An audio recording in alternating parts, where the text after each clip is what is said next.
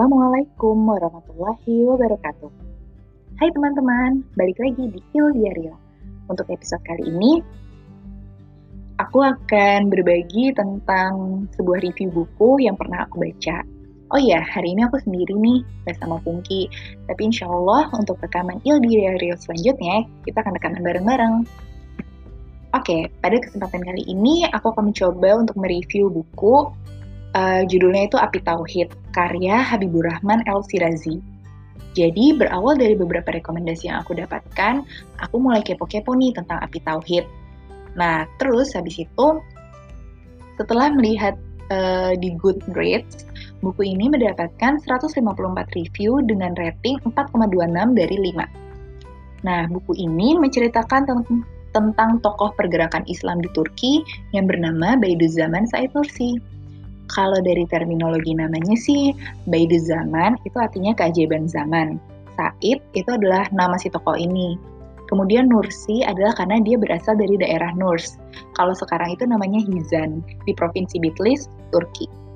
Nah, novel ini tuh novel sejarah, tapi menariknya dikisahkannya itu tidak benar-benar dari sudut pandang orang pertama gitu. Jadi um, ini adalah novel sejarah yang juga menapaktilasi uh, tempatnya, jadi kayak semacam sejarah dan geografi gitu, diceritakan dari sudut pandang orang ketiga.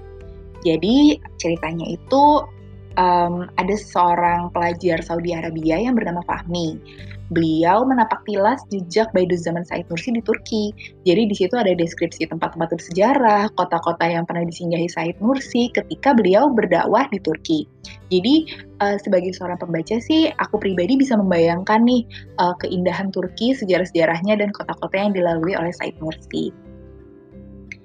Kalau dari gaya bahasanya juga enak, ringan, jadi nggak nggak ngebosenin sebagaimana mungkin sejarah-sejarah uh, yang biasanya kita dapetin. Nah, yang menariknya adalah aku mungkin akan sedikit spoiler, tapi ini menurut aku menarik sih, yaitu bagaimana pertemuan kedua orang tua Said Nursi. Jadi ayahnya Said Nursi itu bernama Mirza, ibunya itu bernama Nurie. Nah, saat Mirza ini sedang mengembalakan ternaknya, ia tidak uh, tidak sengaja ketiduran sehingga ternaknya itu tuh malah jalan-jalan dan makan dari pekarangan orang lain. Nah, Mirza ini kemudian ketika bangun dia kaget gitu kan. Akhirnya dia menyambangi pemilik rumah tersebut. Mirza meminta izin kepada pemilik rumah uh, untuk mengikhlaskan sayuran atau pekarangan yang telah dimakan oleh ternaknya tersebut agar ia dan keluarganya kelak ketika mengonsumsi susu atau daging dari ternak tersebut makanannya menjadi halal di tubuhnya. Sambil juga minta maaf tentunya dari Mirzanya ini. Nah, orang pemilik pekarangannya ini itu kemudian e, mengikhlaskan peka pekarangannya yang telah dimakan oleh ternaknya Mirza. Namun di sisi lain, beliau juga kagum nih dengan sikap Mirza. Akhirnya, hmm, beliau menanyakan tentang orang tuanya Mirza. Long story short, pemilik pekarangan ini ternyata adalah ayah dari Nurie yang kelak akan menjadi istri Mirza. Kemudian akhirnya Mirza dan Nurie menikah, melahirkan banyak keturunan, dan salah satunya adalah Said Nursi itu. Jadi menarik ya pertemuan pertamanya pertemuan pertamanya ayah dan ibunya Said Nursi itu didasarkan oleh mereka ingin mengkonfirmasi sesuatu agar agar sesuatu itu menjadi halal gitu kan dari mengkonfirmasi bahwa uh, diizinkan pekar pekarangan yang telah dimakan ternaknya tersebut supaya menjadi halal kelak untuk uh, keluarganya gitu kan. Nah, ini menarik banget sih. Jadi bagaimana mereka itu benar-benar menjaga kehalalan dari makanan yang mereka konsumsi. Nah, balik lagi, itu tadi cerita tentang orang tuanya Said Nursi. Kemudian kita ceri uh, diceritakanlah mulai tuh diceritakan tentang Said Nursi. Gimana beliau itu memang sedari kecil tuh sudah dianugerahi kemampuan mengingat dengan baik. Beliau dapat mencerna pengetahuan dengan cepat. Beliau menamatkan kitab-kitab dengan sangat cepat di usia yang belia. Kemudian akhirnya beliau berpindah nih dari satu sekolah ke sekolah yang lain. Uh, karena memang beliau itu kan uh, cara belajarnya tuh cepat dan emang pemahamannya itu bisa tahan lama gitu kan. Jadi akhirnya beliau men menamatkan pendidikan di sekolah itu juga cepat. Nah, beliau pun uh, juga tidak takut ketika diuji oleh kepala sekolahnya gitu ya ter terkait dengan pengetahuan-pengetahuan kitab tersebut. Beliau bisa menjawab dengan baik, bahkan beliau membuat kepala sekolahnya terdiam dalam dalam tanda kutip. Nah, setelah pindah-pindah sekolah, akhirnya beliau mulai beranjak dewasa, mulai beranjak uh, mengetahui melihat dunia luar. Akhirnya beliau mulai pindah-pindah kota sembari berdakwah. Beliau kadang tidak ragu mengkritisi pemerintah jika memang ada kebijakannya yang tidak sesuai dengan nilai-nilai spiritual. Ya, beliau memang tidak segan-segan untuk mengkritisi. Oleh karena itu, uh, beliau berulang kali keluar masuk penjara, diasingkan, nyaris dihukum mati.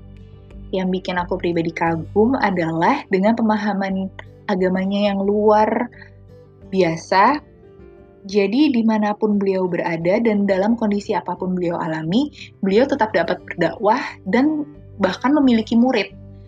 Nah, beliau tetap berpegang teguh dengan nilai Islam. Kalau kata pepatah sih, be a flower, when someone crush it, it still produce a fragrance.